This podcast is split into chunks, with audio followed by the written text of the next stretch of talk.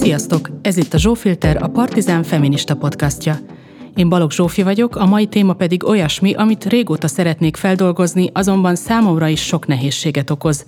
Egyrészt bizonyos körökben rendkívül megosztó, másrészt az életemnek a legszemélyesebb részét érinti, amit alapvetően nem szívesen tárgyalok a nyilvánosságban. A leszbikus nők helyéről, helyzetéről az LMBT mozgalomban általában nagyon kevés szó esik, de a néhány hete Budapesten rendezett Európai Leszbikus Konferencia miatt a Partizánon is előtérbe került a téma, a brit leszbikus filozófussal Kathleen Stockkal készült interjúban. És esküszöm, a látszat ellenére ahhoz az adáshoz semmi közöm nem volt, kizárólag fómóm kapcsolódik hozzá, magyarul ki vagyok tőle, hogy kimaradtam belőle. Ami viszont az én művem, az a gender, mint identitás feminista kritikájának rendszeres taglalása a csatornán az elmúlt két évben, amiért az LMBT szervezeteknél is kihúztam a gyufát több ízben is. Talán vannak, akik emlékeznek a 2021-es Budapest Pride felvonulásra, ahol az élő közvetítésünkben tettem szóvá, hogy a Labris Leszbikus Egyesület képviselői elzárkóztak a nekem való nyilatkozástól a genderkritikus nézeteim miatt. Másrészt számon kértem a Budapest Pride főszervezőit, és heves vita alakult ki közöttünk, ebből egy részlet következik most. Ugye a Budapest Pride is posztolt annak idején a műsorom után arról, hogy mit gondoltok, és mondtátok, hogy elítélitek a Partizánnak ezt a műsorát. Erről szeretnélek titeket kérdezni, hogy mi az pontosan, amit elítéltek ezekben a műsorokban? Szerintünk tehát az, az emberi jogokban nem lehet kipiszkálni embereket azok közül, akikért kiállunk. Rengeteg transznemű szervező van a Budapest Pride-ban, rengeteg transznemű önkéntesünk van és barátunk, és azt gondoljuk, hogy az, az nem lehet kérdés, hogy az ő emberi méltóságuk megére ugyanannyi tiszteletet, mint bárki másé. A történet itt nem ért véget. A Pride szervezőit nyilvános vitára invitáltuk Gulyás Marcival, amelyet végül sajnos nem vállaltak el. A Labris tagjai viszont elfogadták a meghívásomat az akkor még videós formában működő zsófilterbe, és nyitottak voltak a köztünk lévő személyes és politikai nézeteltérések tisztázására. Az interjút le is forgattuk, de nagy bánatomra sajnos nem jelenhetett meg. A felvett anyag sem tartalmilag, sem technikailag nem felelt meg a szerkesztőségi követelményeknek. Erről Marcival is beszélgettem nemrég. Ott szerintem több dolgot is mérlegeltünk, és szerintem helyes döntést hoztunk. Ott szerintem egy inverse helyzetbe kerültél, mint én az Orbán Balázsjal. Mert én ugye vitatkozni mentem hozzá, miközben interjút szerettem volna vele csinálni, és ettől volt egy ilyen szerepzavar ott, amikor ketten ültünk kint. Te pedig vitatkozni mentél, miközben interjút kellett volna velük készítened. Mm. Nekem azért nehéz ez azóta is egyébként, mert egy kicsit ilyen uh, padhelyzetben érzem magam. Ha kitet, én vállaltam volna, hogy kiteszem azt úgy, hogy, hogy keretezve van az, hogy én ezt elbasztam. Én ezt kicsit szerencsésebbnek gondoltam volna, mint hogy igazából nem tudom, hogy helyrehozható-e nem mintha kell, hogy legyen a partizánnak viszonya a Labris Egyesület. Mert ők ezt cenzúrának érték meg. De ezt ők cenzúrának érték, és nagyon rosszul. Most is annak élik meg? Vagy nem tudom, én azóta nem beszéltem velük, de nagyon rosszul és rosszkor és nagyon későn kommunikáltuk nekik. Azt nagyon elbasztuk. Nem, ott én voltam az, aki elmaradtam a visszajelzéssel, hogy most akkor ezzel mit kezdjünk, és ott eltelt legalább három-négy hét, tehát ott nem kell többes szám első szemében beszélni, azt ott alapvetően én basztam el. Tehát több szinten basztuk el, de történt, ami történt, és azóta is kerestem az alkalmat, hogy a leszbikusokról, leszbikusságról beszélgethessek nőkkel, illetve az LMBT közösségen belüli konfliktusokról. Hogy egyáltalán beszélhetünk-e közösségről, arról is szót ejtünk mai vendégeimmel, Seregély Ágnessel és Euler Liliánával, akik az idei Pride hónap alatt harmadmagukkal szerveztek egy filmvetítést és workshopot a fiatal nők nem átalakító kezeléseiről, illetve ezek visszafordítására tett kísérletekről, vagyis a detranzícióról. A szóban forgó film Vaisnavi Sundar Dysphoria című négy részes sorozata magyar felirattal megtekinthető a Youtube-on is. Ági és Lili nevéhez fűződik egy másik LMBT aktivista körökben nagyport kavart interjú, amely augusztus elején jelent meg a 444-en, és amelyben egy detranzícionáló nő meséli el a történetét. Vendégeim nem tartják magukat melegjogi aktivistáknak, mégis bátran és aktívan tesznek a leszbikus és biszexuális nőket érintő, jelenleg tabuként kezelt kérdések láthatóvá tételéért. Két különböző generációhoz tartoznak. Ági régi motoros, korábban az LMBT történeti hónap szervezője, a Meleg férfiak hideg diktatúrák című kötet szerkesztője és az azonos nevű blog szerzője volt, Emellett számos közösségi esemény szervezett melegeknek és leszbikusoknak, illetve alapító tagja volt a Buzi új hullámcsoportnak, amely kritizálta a kortárs LMBT mozgalom politikai korrektségét és vakságát a melegjogi küzdelmekre rátelepedett kapitalista, neoliberális folyamatokkal kapcsolatban. Lili pedig mintha átvenné a stafétát. Egy új, leszbikus, biszexuális és meleg emberekre fókuszáló szervezet elindításán munkálkodik, amely hasonlóan gondolkodó gender identitás ideológiával kritikus érintetteket vár köreibe. A szervezet neve LMB Társulás, és már megtalálhatjátok a Facebookon. Ha tehetitek, kérlek támogassátok a Partizán munkáját a Patreon oldalunkon keresztül, illetve kövessétek a csatornát a Youtube-on, a Facebookon és a Spotify-on is. Az adás hangútó munkájáért ismét köszönet Lőrinci Áronnak, a Zsófilter arculatáért pedig Kili Zsannának. Most pedig következzen a beszélgetés, köszi, hogy itt vagytok, kezdünk!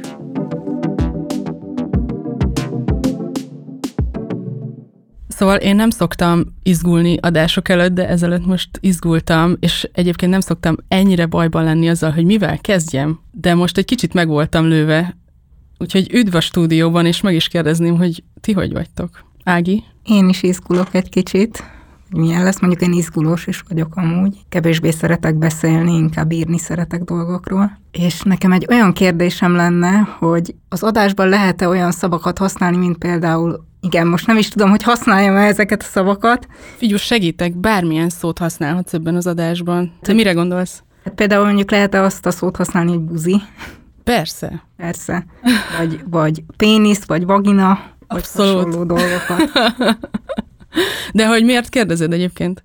Azért is kérdezem, mert például én régebben voltam mondjuk a buzi új hullámnak a tagja, ahol nekünk nagyon fontos volt, hogy olyan szavakat használjunk például magunkra akkoriban, amiket mondjuk egy hétköznapi ember is megért. És szerintem nagyon-nagyon fontos az, hogy úgy beszéljünk dolgokról, hogy azt sokan értik, vagy próbáljunk úgy beszélni, hogy sokan értik.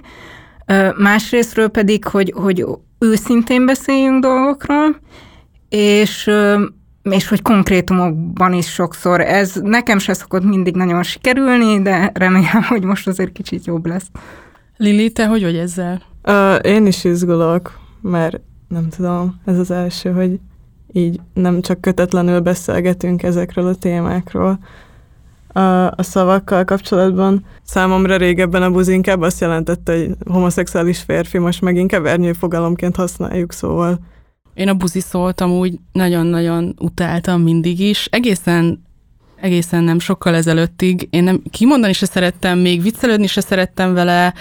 Ö, aztán valahogy úgy mm, nem tudom, kicsit jobban felszabadultam ezzel kapcsolatban, és elengedtem ezeket a parákat, de alapvetően tényleg egy, egy szitokszónak tartottam mindig is, és hát ilyen buzikörökben a barátaim, mit tudom én, használták magukra, akár komolyan, akár viccből, de mindig ilyen rossz érzésem volt tőle.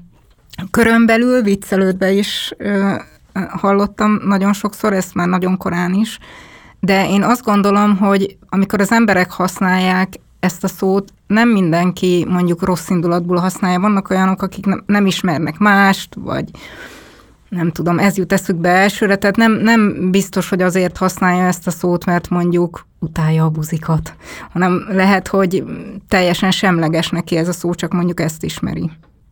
Nekem tök más élményem van a buzi szóval. Nekem épp az, hogy volt olyan időszak, amikor inkább, vagy szívesebben mondtam azt magamra, hogy buzi, mint leszbikus.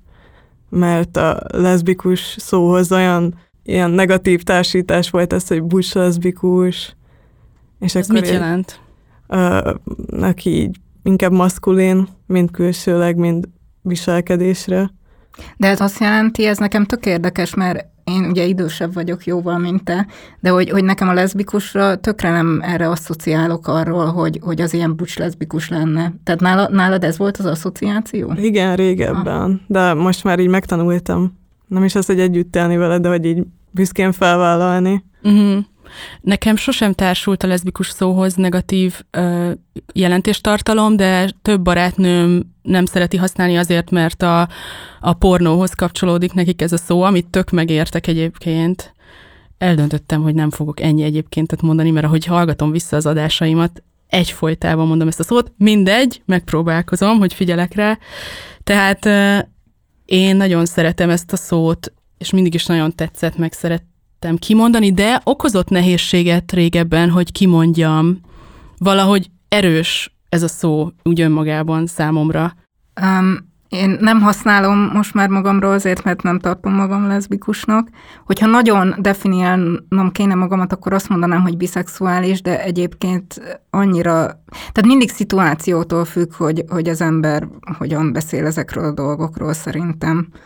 Mi összejárunk baráti körön keresztül is, tehát hogy van, van köztünk egy ilyen informális ö, ö, viszony is, és ö, meg hát hagyományosan azért a, a leszbikus meg biszexuális nők hasonló közösségekbe járnak, meg ugye azon keresztül kapcsolódnak, hogy azonos neműekhez vonzódnak, és a úgynevezett, nem tudom, LMBT közegen belül is szerintem mindig fontos volt az, hogy nőknek legyen lehetőségük találkozni, és én is, amikor rájöttem arra, hogy nőkhöz vonzódom, akkor kerestem ezeket a tereket, és hát Magyarországon azért elég kevés ilyen van, ami elérhető, meg látható. Ez volt 2014-ben, és akkor mindenféle, mindenféle eseményre elmentem, amit mondjuk a Labris szervezet, vagy a Pride, és akkor így próbálkoztam így keresni a helyemet.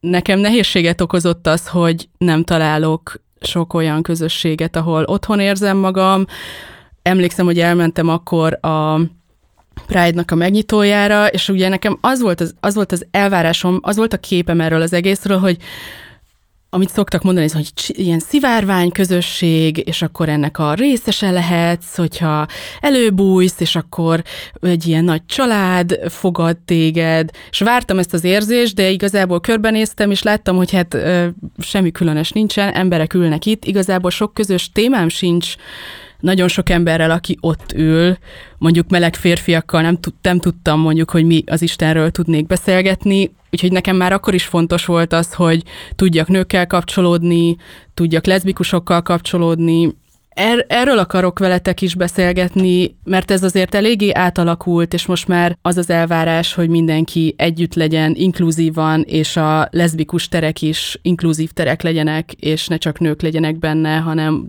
most már nem tudom, a leszbikus szó után csillag van, és egy csomó minden beletartozik. Én ezzel sokat küzdök, nem tudom, ezzel ti hogy vagytok. Hát igazából szerintem, hogy milyen leszbikus terek voltak, meg vannak, meg lesznek, ez egy nagyon érdekes kérdés, meg ez, ez szerintem mindig is voltak így problémák ezzel.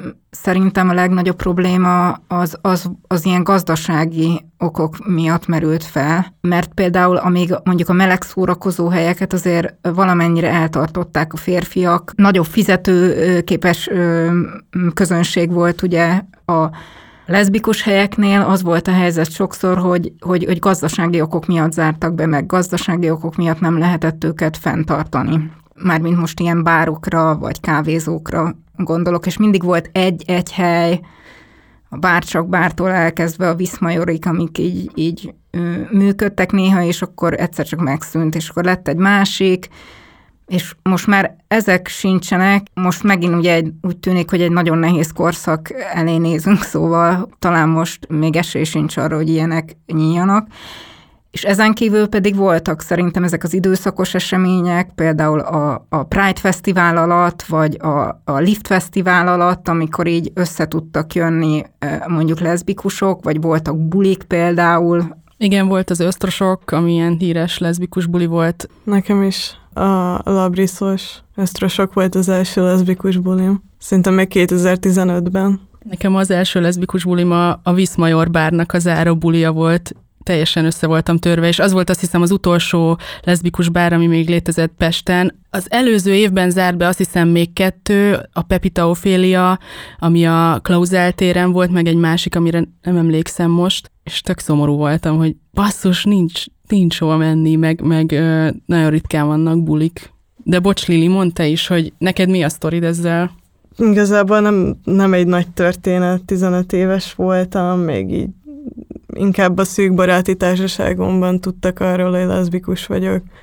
A szüleim szerintem még nem is tudták, és uh, elmentem. Kicsit más volt, mint amit képzeltem, de igazából így szórakoztató volt, meg így emlékszem, hogy tényleg csak nők voltunk ott. Most meg, hogyha lenne egy ilyen buli, vagy amikor volt utoljára megrendezve 2020-ban, akkor is emlékszem, hogy már a leírásban is ott volt, hogy így inkluzív, a trans és bináris emberek felé.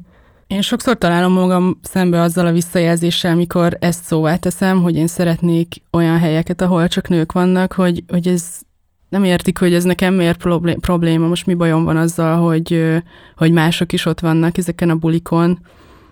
Nagyon érdekelne a véleményetek erről, és behoznám itt azt is, hogy ugye az egyik apropója, hogy titeket hívtalak meg ide az adásba, az az, hogy szerveztetek ti is egy eseményt a Pride hónap alatt, amit kifejezetten fiatal nőknek, lányoknak szántatok, és hogy ott mennyire okozott ez problémát, hogy meghatározzátok a célcsoportot, illetve a szervezés körüli körülmények is érdekelnek? Két workshopot szerveztünk eredetileg, amiből egyet tartottunk végül meg. Az egyik az egy ö, filmvetítés, a Dysphoria ö, című valamennyire vitatott filmnek a, a vetítése, de mi ezt bele is írtuk egyébként a leírásába ennek az eseménynek, hogy ez egy vitatott film így a közösségen belül meg így a feminizmuson belül, ami a fiatal lányoknak a testi diszfóriájáról szólt, és olyan lányokról, akik azt gondolták magukról, hogy ők transz férfiak, de végül abba hagyták mondjuk a hormonszedést. Őket hívjuk detranzícionált nőknek. Igen. És a másik workshop az pedig egy ilyen kreatív ö, műhely lett volna, ahol írtunk volna szövegeket, és ez kifejezetten ilyen fiatalabb korcsoportnak szerettünk volna, fiatalabb lányoknak, fiatal nőknek, a testünkhöz való viszonyunkról, és a különböző érzéseinkről, ami így problémás nekünk a testünkkel kapcsolatban. Például én is emlékszem, amikor tinédzser voltam, nekem rettenetesen nagy problémát okozott, hogy egyszer csak mondjuk melleim lettek, és annyira utáltam mondjuk a melleimet, hogy azt gondoltam, hogy azt szeretném, hogy legszívesebben ne legyenek. És később is, most már teljesen rendben vagyok a testemmel, de hogy, hogy később is azért így fiatal felnőtt koromban voltak ilyen problémák, amik feljöttek, mondjuk amikor néha soványnak éreztem magam, néha kövérnek éreztem magam, tehát olyasmi, amit szerintem sok nő ismer így, így érzés kapcsán. És mindkét workshopnál, de főleg ennél a másodiknál, amikor előkészítettük, az így problémát okozott, hogy akkor hogyan írjuk le, hogy ki, kinek szól. Hogyha mondjuk nem tudom, 15 vagy 20 évvel ezelőtt csináltuk volna ezt a workshopot, akkor beleírtuk volna, hogy ez egy ö, nőknek szóló workshop, most pedig már nem lehet ilyet mondjuk beleírni hanem akkor úgy kell megfogalmazni, mivel inkluzívnak kell lenni, ezért nem is tudod úgy megfogalmazni mondjuk, hogy, hogy csak nőknek tudjál egy ilyen workshopot mondjuk megcsinálni. Vagy, vagy nem is csak az tilas miatt, de hogyha azt szeretnénk, hogy eljöjjenek olyan nők is, akik transférfiként identifikálódnak, vagy nem binárisként, akkor muszáj ezt a nyelvet használnunk. Szóval, hogy az Ági is mondta, hogy olyan emberek jöjjenek el, akik, és, és, és nincsen erre szavunk, mármint angolul így még ennél könnyebb egy kicsit erről beszélni, akkor is, hogyha így nem akarsz teljesen PC maradni, és mégis meg akarod fogni azt, hogy így kikről akarsz beszélni, mert ott van külön szó a biológiai nemre, meg amit gendernek hívnak, mint identitásra. Ez szerintem nem lenne olyan nehéz, hogyha beszélhetnénk arról, mondjuk ennek a workshopnak a kapcsán, hogy mondjuk biológiai nőknek szeretnénk ezt a workshopot tartani. Meg miért kell ilyen, ilyen szófordulatokat használni egy biológiai nő? Én ezt nem értem az LMBT mozgalommal kapcsolatban, hogy, hogy szerintem tök oké okay a személyes identitásnak a bármilyensége és annak szabadsága, de miért kell elszakadni attól, hogy vannak biológiai tényezők, tehát nem gondolom azt, hogy mindenki, aki az LMBT közösségnek a tagja, vagy annak gondolja magát, azoknak a nagy része tagadná azt, hogy mondjuk biológiai különbségek lennének nők és férfiak között, és mindenki tudja, hogy mit jelent a nő és férfi. Hogy, hogy, hogy vált ez ennyire megosztó, vagy ennyire tabu témává, meg hogy szakadtunk el a jelentésétől a két szónak, én ezt es, esküszöm nem nagyon értem. Vannak, akik nem úgy gondolkodnak arról, hogy ki a nő és ki a férfi, mint te, és ez szerintem egy tök nagy probléma. Van ez az ilyen mantra, hogy a transznők is nők, és a, a mozgalmon belül szerintem az a legnagyobb probléma ezzel kapcsolatban, hogy mindenki mást ért alatta, És az egyik olvasata az szerintem a biológiai olvasat, az az, hogy vannak olyanok, akik tényleg azt gondolják, hogy idézőjelbe téve biológiailag nincsen különbség egy transznő és egy cis nő között, most ezt a kifejezést fogom használni, pedig nagyon-nagyon utálom, tehát egy, egy nő között, és mondjuk egy transznő között nincsen biológiailag különbség. És ez azért van, vagy legtöbbször azzal magyarázzák ezt, hogy nem abból indulnak ki, hogy mondjuk a nőknek vagy a férfiaknak milyen kromoszóma állományuk van, vagy milyen hormonális meghatározottságuk van, vagy mondjuk milyen elsődleges, másodlagos nemi jellegekkel rendelkeznek, hanem abból, hogy, hogy valamiféle agyi struktúrája más egy, egy nőnek, meg más egy férfinak, és nekem erről az is szembe jutott, hogy, hogy még a 2000-es évek elején is így viccelődtünk feminista közegben azzal, hogy, hogy, hogy hát a, a női agy akkor most azt jelenti, hogy van ilyen házi munkára alkalmasító gén mondjuk, ami így meghatározza, hogy nem tudom, hogy te el tudsz mosogatni, mondjuk a férjed meg nem tud elmosogatni, vagy te el tudod hozni az óvodából a gyerekeket, a férjed meg nem, tud, nem tudja elhozni. Erre az, azóta se hallottam ilyen megfelelő érveket, hogy ez mi ez a férfi agy, meg női agy, meg hogy már hogy, hogy rossz testbe született mondjuk valaki, ennek milyen meghatározottságai vannak.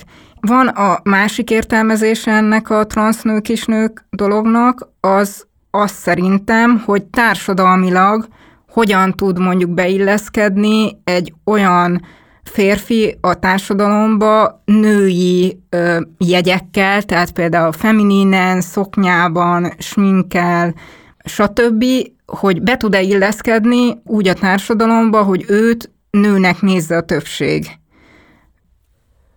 A, visszatérve arra, amit Zsófi mondott, én is úgy gondolom, hogy a, az embereknek a nagy része tisztában van ezzel, hogy mi a férfi és mi a nő. Még azok is, akik azt mondják, hogy a transznők is nők, igazából tisztában vannak azzal, hogy mit jelent biológiailag férfinak vagy nőnek lenni. Csak az, amit így a férfihez és a nőhöz társítanak, lehet, hogy abban van eltérés. Csak az lett a probléma, hogyha valakinek nem akarod megerősíteni az identitását, akkor ez már gyűlöletnek számít. Közben pedig senki nem köteles arra, hogy az, hogy amit te belsőleg megélsz, vagy úgy gondolod, hogy te ez vagy az vagy, ez nem feltétlen van úgy a valóságban, és nem kell, hogy mások magukra erőltessék azt, hogy így lássanak téged.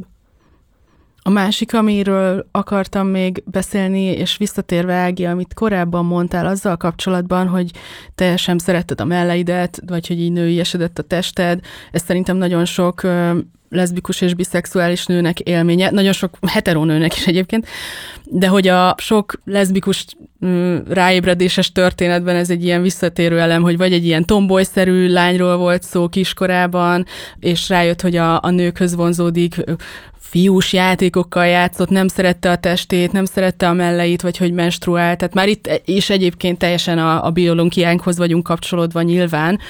Azt szerintem egy lényeges változás, hogy régen nem az volt erre az egyik lehetséges válasz, hogy akkor te rossz testben vagy, vagy akkor nem bináris vagy, vagy nem egy nő vagy, hanem valami más, hanem inkább arról szólt a dolog, hogy hogy fogad el magad így. Nem, nem hagyományosan nőies lányként, vagy hogy a testeddel kapcsolatos problémáidat hogyan old meg, arra milyen válaszokat ad, akár a mozgalom, akár a szélesebb társadalom, akár a családod, szóval, hogy valami más vagy, mint lány.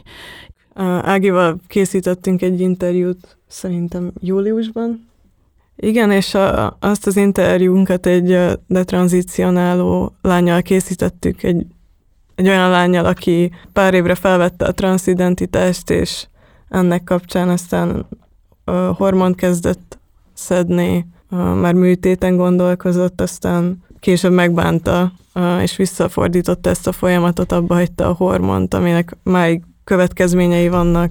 A hangja soha nem lesz ugyanolyan, mint előtte és más, nem tudom, fizikai gondja is lettek ebből, és abban az interjúban volt egy olyan rész, amikor azt mondta benne az interjú alanyunk, hogy nagyon szexista gondolkozásmódra vallasz, hogy egy kislány azért fiú igazából, mert kis autókkal játszik, meg ami nagyon sokszor elő szokott jönni mondjuk homoszexuális transzidentitású férfiaknál, hogy már gyerekkorában nagyon lányos volt, babázott, És uh, igazából nyilván amiatt nagyon szexista ez a gondolkozásmód, mert, uh, mert a nőt és a férfit leredukálja arra, hogy feminin és maszkulin.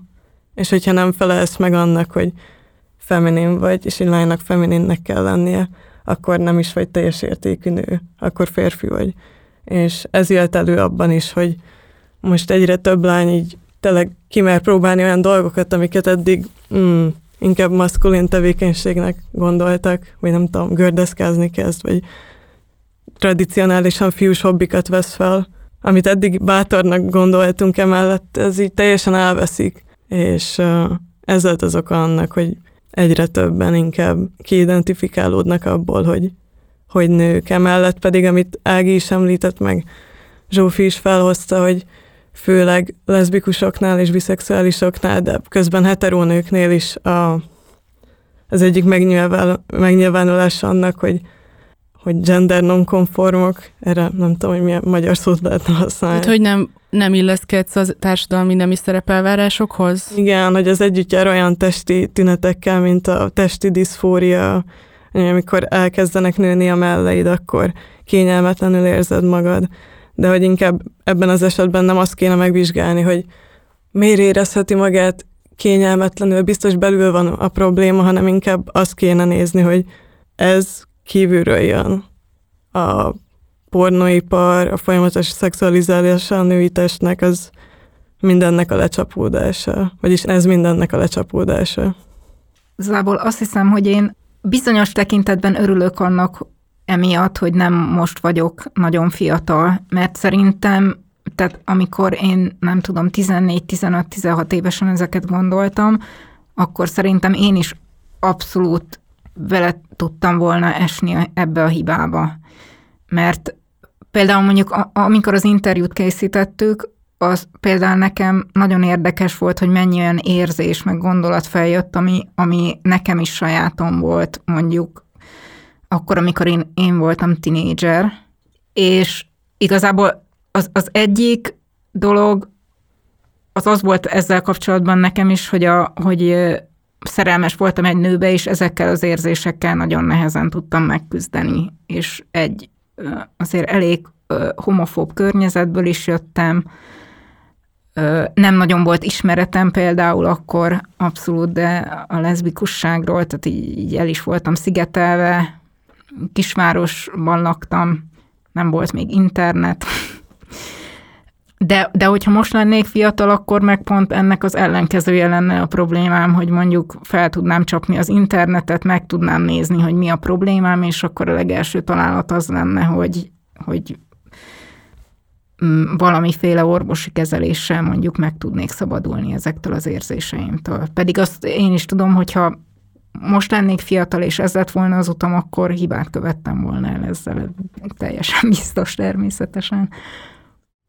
Ez itthon is nagyon nagy probléma, nem csak nyugaton most már, hogy rengeteg leszbikus lány tér arra az útra, hogy transzként kezdi identifikálni magát. Vagy nem binárisként. Vagy nem binárisként, és hogy nem tudom, hogy ez nem csak egy nyugati probléma, hanem ez így tényleg itthon is megjelenik, és megfigyelhető az, hogy ez nem is csak egy ilyen középosztálybeli fővárosi probléma, hanem vidéken rengeteg olyan a transznemű ember él, aki, akit jobban elfogad a környezete úgy, hogy transzként hetero kapcsolatban vannak, vagy heteroszexuálisok így, mint hogyha csak simán leszbikusok vagy melegek lennének. Mert uh, annyira, szóval, hogy nem csak az internalizált nő gyűlölet lehet a hajtóereje ennek, mint magának a tranzíciónak, hanem az is, hogy uh, valaki nem tud megbarátkozni a saját homoszexualitásával és így sorra jönnek ki a sikersztorik egyes platformokon, hogy milyen meglepő, hogy most már vidéken is kezdik elfogadni a transzneműeket, de közben nem 5-6 ilyen cikk után se jut az ember eszébe, hogy lehet, hogy lehet, hogy nem a, itt a, a transzneműségen van a hangsúly, hanem inkább a heteronormativitáson. Visszatérnék egy kicsit a mozgalom és a mozgalmon belül aktív szervezetek, meleg LMBT szervezetek felelősségére ebben a kérdésben, mert Persze beszélhetünk itt az egyéni szintekről, meg hogy mi mit gondolunk, vagy mit gondolnak egyes emberek erről vagy arról a kérdésről, a genderről, a, a transzneműségről, a nők tereiről, de egy kicsit a társadalmi csoportok meg érve, érdekérvényesítés szintjét behozva, szerintem fontos az, hogy mit képviselnek ezek a szervezetek a meleg emberekről. Ti ezzel hogy vagytok? Én úgy gondolom, hogy a hazai LMBT szervezetekben ez nagyon nagy probléma, hogy tényleg mindenféle kritika nélkül átvették a nyugati narratívát, meg igazából mindent úgy importáltak, hogy semmit nem lehet itt sem megkérdőjelezni. Azzal is probléma van, hogy LMBTQ közösségnek hívnak minket, mert nem vagyunk egy közösség. Mert igazából az is szerintem kritizálandó valamilyen szinten, vagy megkérdőjelezhető összevonni a leszbikusokat és a melegeket. A meleg férfiakat? A meleg férfiakat. Miért? Nem kritizálandó, de, de megkérdőjelezhető, mert azon kívül, hogy vannak hasonló követeléseink a, az egyenlő jogokkal kapcsolatban, nagyon különböző egy leszbikus és egy meleg. Nem is, nem is akarok életutat mondani, mert ez nyilván egyéni szinten mindenkinek más, de hogy Hát a nagy különbség, ami köztünk van, az az, hogy a meleg férfiak férfiak, a leszbikus nők meg nők, és ebből adódóan már rengeteg különbség van, mind szociálisan, mind gazdaságilag. De hogy ehhez még hozzácsatoljuk a, a transzneműeket, az számomra teljesen érthetetlen, mert ez egy identitásbeli kérdés, a szexualitás pedig egy orientáció. Plusz még a queer, ami teljesen kérdéses, hogy mit jelent, mert jelenthet akármit, az interszexuálisok pedig, az, az pedig egy kondíció. És ne, nem, nem értem, hogy hogy jön a leszbikusokhoz és a melegekhez. Ági, te elég régóta ö, aktív voltál a meleg mozgalomban, így itthon. Én engem nagyon-nagyon érdekelne, hogy te hogy láttad a folyamatát ennek, milyen volt, mennyit változott, változott-e annyit, amit, amennyit most mi itt lefestettünk? Szerintem a legelső dolog, ami így a meleg közegen belül így feltűnő volt nekem, így baráti társaságokon keresztül is, nem csak így a mozgalmi dolgokban, vagy a civil szervezetekben, az az, hogy bizonyos témákról így nem lehetett beszélni, vagy hogy, e, de e, e, ez se úgy volt, hogy egyik pillanatról a másikra történt szerintem, hanem így folyamatában, hogy lettek ilyen tabu témák. És akkor én, én pedig egy olyan típusú ember vagyok, aki így ilyen igazságkereső, vagy nem is tudom, minek hívjam, hogy, hogy én itt szeretek a dolgok mögé látni, szeretem elemezgetni a dolgokat, szeretem látni, hogy mi micsoda, és akkor nekem ez így nagyon fura volt, és az elején még csak ilyen rossz érzésem van, volt tőle, és akkor, amikor így, így, így elkezdtem ezen gondolkozni, akkor azt éreztem, hogy miért nem lehet így a közegen belül bizonyos témákról beszélni. Mondasz példát, hogy mikről? Bocsánat, még egyel visszalépnék, mert szerintem korábban is voltak hasonló témák, amikről így főleg az idősebb ilyen meleg aktivista generáció tagjai azt mondták, hogy fú, hát ezekről ne beszéljünk, meg ezek ilyen konfliktusok ugye a közegen belül, és akkor ezt ne vigyük ki egy a nagy közönség közé, bla bla bla. Például ez olyan, olyan dolgokon, dolgokról volt szó az elején, amikor én kritizáltam, hogy hogyan működnek például a civil szervezetek, vagy hogy nem kellene tényleg ez, hogy ennyi, hogy, hogy ilyen nyugatiasan működnek, meg hogy a, a nyugati minták átvételével működnek, és hogy ennek nem így kéne történnie, hanem kicsit organikusabban, alulról szerveződőbben, stb. Tehát e, ez volt az első vonal az egyéb ö, tabu témák, a későbbi tabu témák, olyan dolgok merültek fel például a beszélgetésben, hogy mondjuk meg lehet kérdezni valakitől, aki, aki transz, hogy, hogy mondjuk mit tudom, hogy milyen műtéteken keresztül ment keresztül, meg hogy így nem tudtál ezekről a témákról semmit, de közben nem lehetett megkérdezni, mert hogy az, az olyan volt, mint hogyha annak az embernek mondjuk így a privát szférájába mondjuk belegázolnál, és tökre nem arról van szó, hogy mondjuk egy, nem tudom, ott vagyok mondjuk a, mondjuk egy boltban, és oda megyek valahol valakihez, és megkopogtatom a vállát, és mondjuk megkérdezem ezeket a dolgokat, hanem tehát nem ilyen szinten, hanem mondjuk a baráti társaságon belül se lehetett mondjuk ezekről beszélni. És akkor, amikor tényleg azon alapul mondjuk egy kapcsolat a leszbikusoknál, meg a melegeknél, hogy tehát hogy a nők nőkkel, a férfiak pedig férfiakkal ö, ö, szeretnének együtt lenni mondjuk, akkor mégse lehet rákérdezni, hogy mondjuk nem tudom, hogy egy transznő vagy egy transz férfi az mondjuk hogyan néz ki. Igen, és hogy, hogy, hogy ott volt ez az ilyen bűntudatkeltés, vagy, vagy hogy bűntudatos érzései kellett, hogy legyenek az embernek, hogy bizonyos szavakat használni, és nekem ez is ö, így ilyen feldolgozhatatlan volt, hogy, hogy ez mégis egy olyan mozgalomnál, ami tulajdonképpen pont arról szól, hogy, hogy mondj ki dolgokat, hogy merj, Vállalt fel magad. Igen, merj elmondani dolgokat magadról, és a többi ott ilyen tabu dolgok vannak, amikkel így én nem tudtam mit kezdeni, hogy ezt így kell csinálni. Nagyon fura volt nekem is. Azt hiszem 2015 körül jártunk baráti közösséggel, akkor még voltak leszbi bulik, és a baráti közösségben voltak leszbikusok, voltak biszexuálisok, nők, és volt egy transznő, tehát egy, egy férfi, aki nőnek vallotta magát, és volt a fordítottja, volt egy transzférfi, akiről igazából csak mások állították azt, ő, ő saját magáról egyébként nem így nyilatkozott, ő, ő, ő csak így ment az egésszel, nem volt úgy különösebben véleménye erről, de valahogy őt így bepakolták ebbe, az is vicces volt. Na mindegy, és akkor mentünk a leszbi buliba, és, és akkor ott volt a transznő, ott volt a transzférfi, meg ott voltak a leszbinők, meg a biszexnők, és így azon gondolkoztam, de már akkor tényleg nem szabadott ezt még vicc szinten se kimondani, hogy hát most így akár honnan is nézem, valaki nem ebbe a buliba tartozik. De éreztem, meg, meg akkor is a beszélgetések során ö, érezhető volt, hogy nem szabad itt akármit ö, kimondani, meg megkérdezni, még ilyen,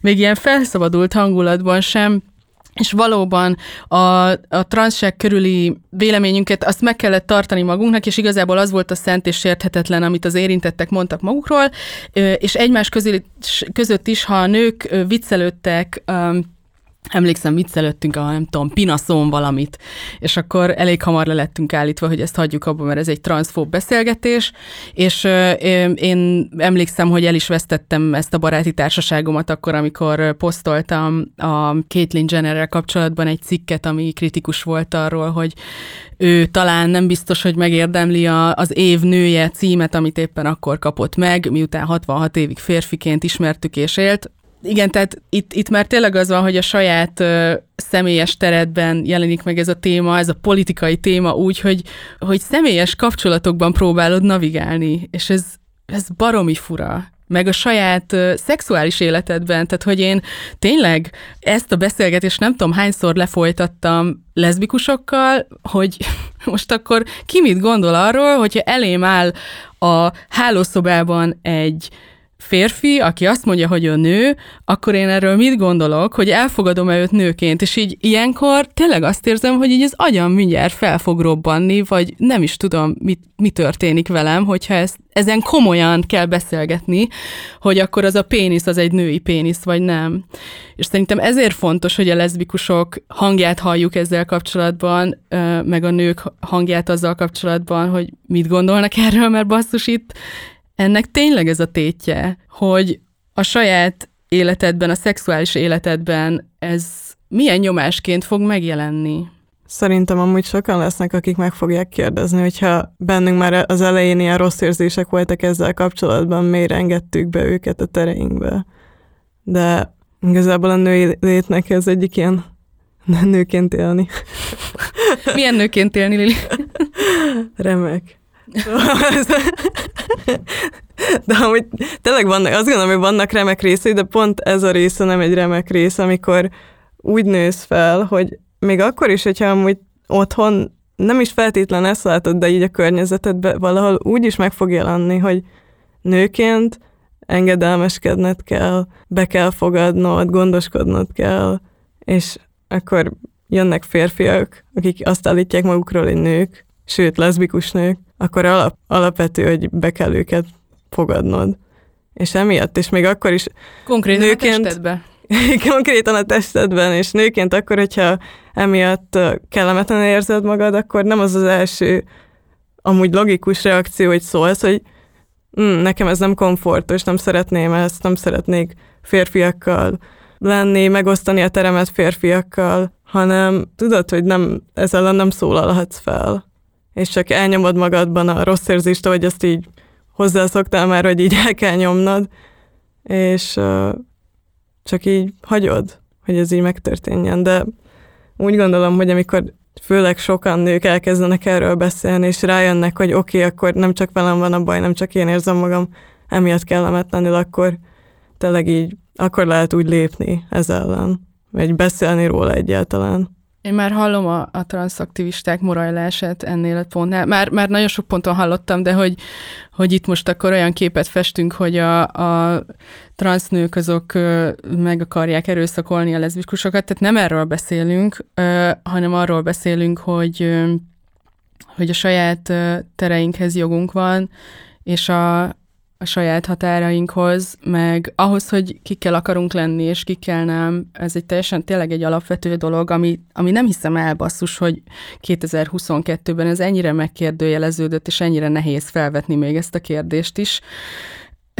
és csak ezekben a körökben, mert egyébként meg ha kilépsz ebből a, ebből a mozgalomból, akkor teljesen egyértelmű, tehát hogy esküszöm még, még konzervatívabb barátaimmal, könnyebben beszélek a melegségemről, mint a mint a meleg mozgalmon belül, pont emiatt, hogy ott, ott nincsenek ilyen fogalmi zavarok, meg ott lehet tisztán beszélni, és mindenki érti, hogy mire gondolok, amikor azt mondom, hogy leszbikus vagyok. Mondtad ugye, hogy meleg mozgalom, meg meleg mozgalmon belül. Én nagyon-nagyon nem érzem magam kényelmesen így a mozgalmon belül, vagy hogyha nem is tudom, hogy mozgalomnak lehet -e nevezni, de hogy ezeken a körökön belül, uh, ahol nem kritikusan beszélnek ezzel, ugye alapvetően nem szabadna ezeket említeni, mert rögtön az jön, hogy transzfób vagy, emellett.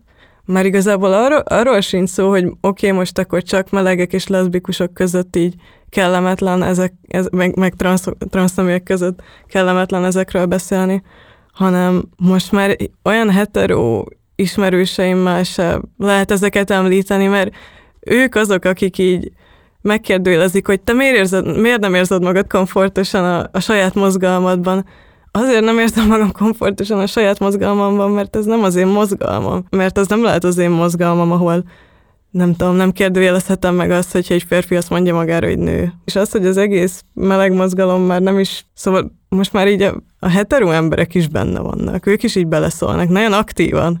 Szinte néha aktívabb, vagy nem néha, nagyon sokszor aktívabban, mint azok, akik tényleg érintettek. Lehet, hogy lehet vannak emberek, akik így máshogy vélekednek erről, de nem gondolom azt, hogy nekem lenne leszbikus identitásom, vagy hogy tudom, hogy leszbikus vagyok, de nem ez az egyetlen dolog, ami meghatároz. Ez, a, ez egy nagyon nagy része, mert hogy a baráti köröm, az, hogy ki a partnerem, azok nyilván hozzájárulnak ahhoz, hogy ki vagyok én, de az, hogy így ez legyen az identitásom, az, az alapvetően nem is lehetséges, mert hogy ahhoz egységesnek kéne lenni a leszbikusságnak és alapvetően nem gondolom azt, hogy a leszbikusokról vagy a, meg a melegekről szó esne a mainstream LMBTQIA plusz mozgalmakban, de az meg pláne nincs megjelenítve, hogy mennyire sokszínűek vagyunk, nem a szilverványos szó értelmében.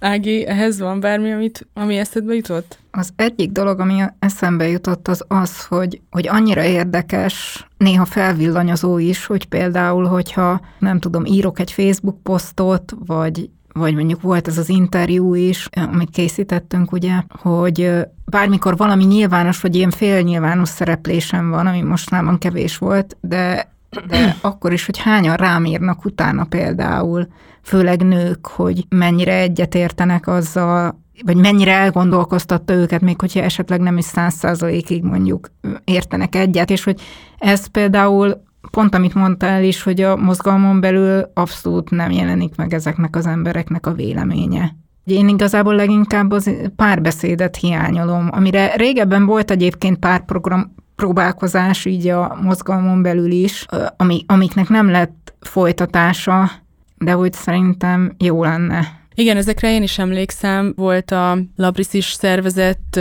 2017-ben is, illetve 21-ben is volt egy, hol van a leszbikusok helye az LMBTQ-jában, nem tudom, hogy jól idézem-e, akkor a 2017-esnek az volt a témája, hogy a, az LMBTQ és a T viszonya az milyen, tehát hogy tényleg azért voltak erre próbálkozások, tehát hogy ne, ne csak szapuljam a, a szervezetek munkáját, én is vettem részt például az idei Pride-on, az egyik legjobb élményem a, a, az, a, az a leszbikus akadályverseny volt, nem tudom, hogy így hívták el, lehet, hogy nem leszbikusnak, de hogy mindegy, alapvetően leszbikusoknak szólt, és tök jó esemény volt, és ott is ilyen csomó csaj ott volt, lehetett ismerkedni, tök jó kis kedves program volt, egy csomót röhögtünk, és akkor volt ez az akadályverseny, ahol ott futkároztunk.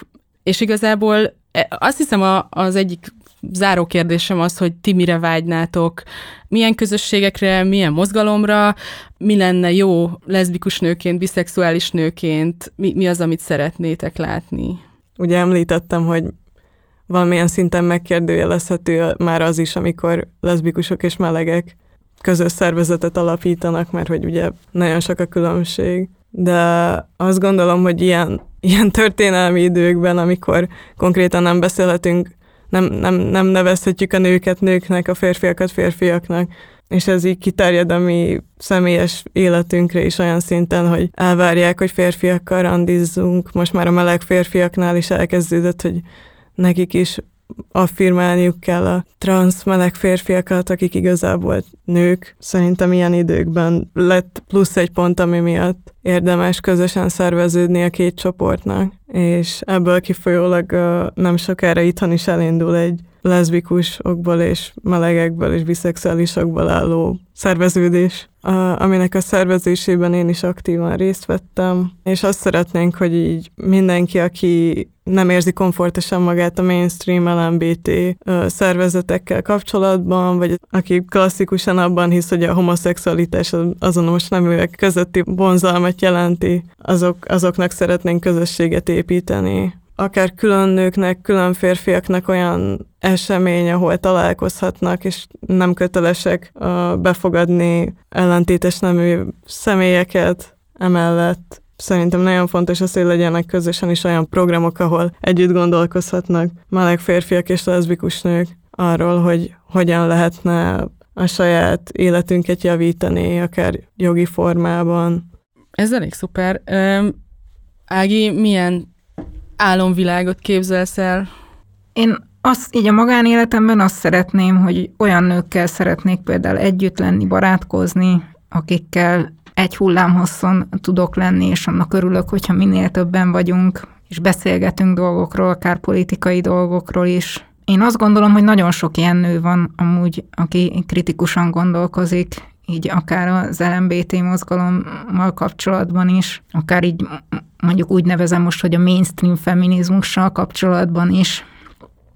Ez tényleg annyira fontos számomra is, hogy igazából nem vágyom másra, csak hogy ö, legyen egy olyan közösség, ahol, ahol jól érzem magam, ez tényleg nem egy, egy nagy elvárás, és szerintem mindenkinek nagyon fontos, hogy a saját nem tudom, hasonszörű társaival, akármilyen téma kapcsán tudjon találkozni, és felszabadultan lenni, és igazából én csak így ezt kívánom ennek a mozgalomnak is. Még egy dolog ezután a szívben engedő után, hogy nem tudom, ebben nem tudtam, hogy beleme, vagy nem, nem tudtam, hogy belemenjek, mert ez is eléggé ingaványos talaj, de ugye beszéltünk arról, hogy a, hogy a mainstream LMBTQ szervezetek mindenféle kritika nélkül vették át a nyugati narratívát.